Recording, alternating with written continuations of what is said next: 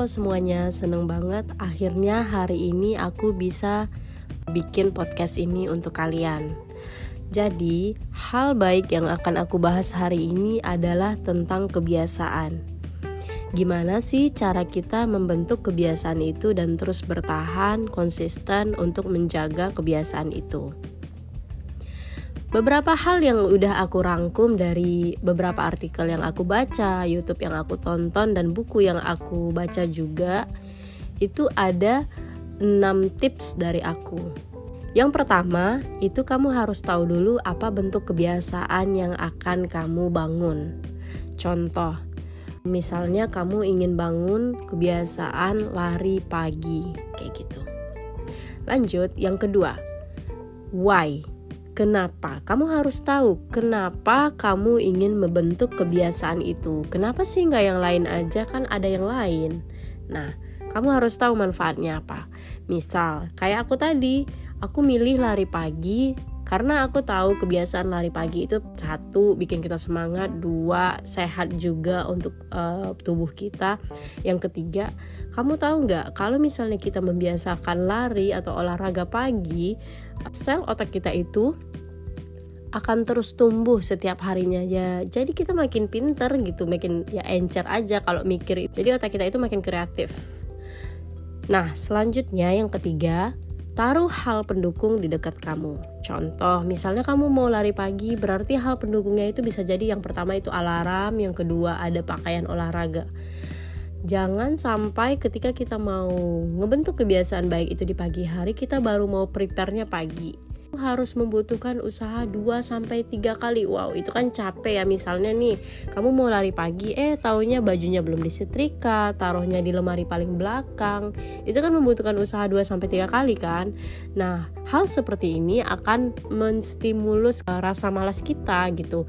Jadi kalau misalnya banyak usaha yang kita keluarkan, maka kita ya makin males jadinya gitu. Lebih baik kita itu udah prepare dari malam terus taruh barangnya itu yang bisa kita lihat ketika kita bangun tidur. Nah ini akan menstimulus kamu untuk ah pengen lari. Ah ini udah ada nih tinggal dipakai terus lari gitu. Nah selanjutnya berhenti sebelum capek. Berhenti sebelum capek yang aku maksud di sini ketika kamu misalnya lagi lari terus lagi enak-enaknya kamu harus berhenti dulu. Kamu berhenti dan kamu udahin aja sampai di sana dulu. Jadi jangan kamu lari sampai capek. Jangan. Don't do that jangan pernah lakukan itu karena kalau kamu misalnya lari sampai capek yang ada pas kamu berhenti sampai capek itu kamu nggak mau lanjutin lagi besoknya karena udah enek duluan kayak gitu. Tapi kalau misalnya kamu berhentinya di tengah jalan malah besoknya itu kamu jadi pengen lagi karena kemarin belum puas kayak gitu. Kemudian yang selanjutnya itu ketahanan kita harus punya sikap atau pribadi ketahanan ini dalam diri kita jika kita ingin menjadi seseorang yang konsisten dan disiplin. Kalau misalnya kamu mau membangun kebiasaan baik, kamu harus punya ketahanan ini dalam diri kamu. Nah, ketahanan yang aku maksud ini gimana? Misalnya, hari pertama kamu lari, hari kedua kamu lari, hari ketiga kamu lari, hari keempat kamu udah nggak lari lagi. Jadi itu belum memiliki ketahanan yang baik. Nah, sebenarnya ketahanan ini bisa kita latih aja kok, nggak perlu ada mentoring atau misalnya ikut pelatihan apa gitu, nggak perlu.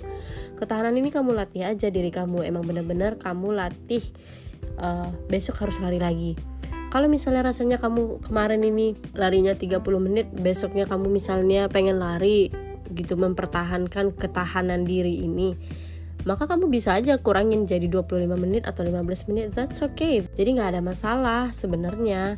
Bisa-bisa aja gitu. Yang penting kamu tetap lari. Nah selanjutnya. Yang paling terakhir dan yang paling penting menurut aku, ketika kamu sudah membentuk kebiasaan baik atau misalnya kamu sedang membangun berproses membentuk kebiasaan baik, ada hal yang nggak boleh sama sekali kamu lupakan. Ada hal yang nggak boleh sama sekali kamu lupakan yaitu catat di buku harian apa pun yang kamu kerjakan hari ini dan bikin planning. Satu, kalau kamu misalnya males catat di buku harian, kamu bisa catat di handphone. Tapi kalau menurut aku sih lebih bagus kamu catatnya di buku harian karena itu akan uh, enak aja nanti ketika kita refleksi lagi, kita buka catatan lagi, kita lebih enak aja bacanya gitu. Nah, Pas kamu catat di buku harian itu, usahakan yang kamu catat itu yang pertama, bagaimana perasaan kamu setelah melakukan kegiatan itu dan perasaan apa yang kamu rasakan ketika kamu bisa menjalankan itu setelah beberapa hari misalnya. Nah, kayak gitu. Jadi dicatat itu semua. Terus kamu bisa juga catat apa yang kamu rasakan, terus apakah kamu sedih. Misalnya saya sedih karena kemarin saya larinya 30 menit dan hari ini cuma 25 menit kayak gitu. Kamu harus catat itu semuanya. Nanti setelah satu bulan kamu bisa refleksi lagi catatan kamu itu dan kamu baca um, apa sih dulu yang gue rasain nah kayak gitu jadi kamu bisa merefleksi diri kamu nah inilah catatan inilah yang menjadi pembanding kamu seperti kita tahu, jangan pernah membandingkan diri kita dengan orang lain, tapi kita harus harus membandingkan diri kita saat ini dengan yang kemarin. Bisa jadi sebulan yang lalu, enam bulan yang lalu, atau satu tahun yang lalu mungkin. Nah, di situlah kita akan merasa diri kita ini ada rasa akan muncul rasa bahagia, puas, dan juga bangga terhadap diri karena kita memiliki perkembangan secara terus menerus kayak gitu.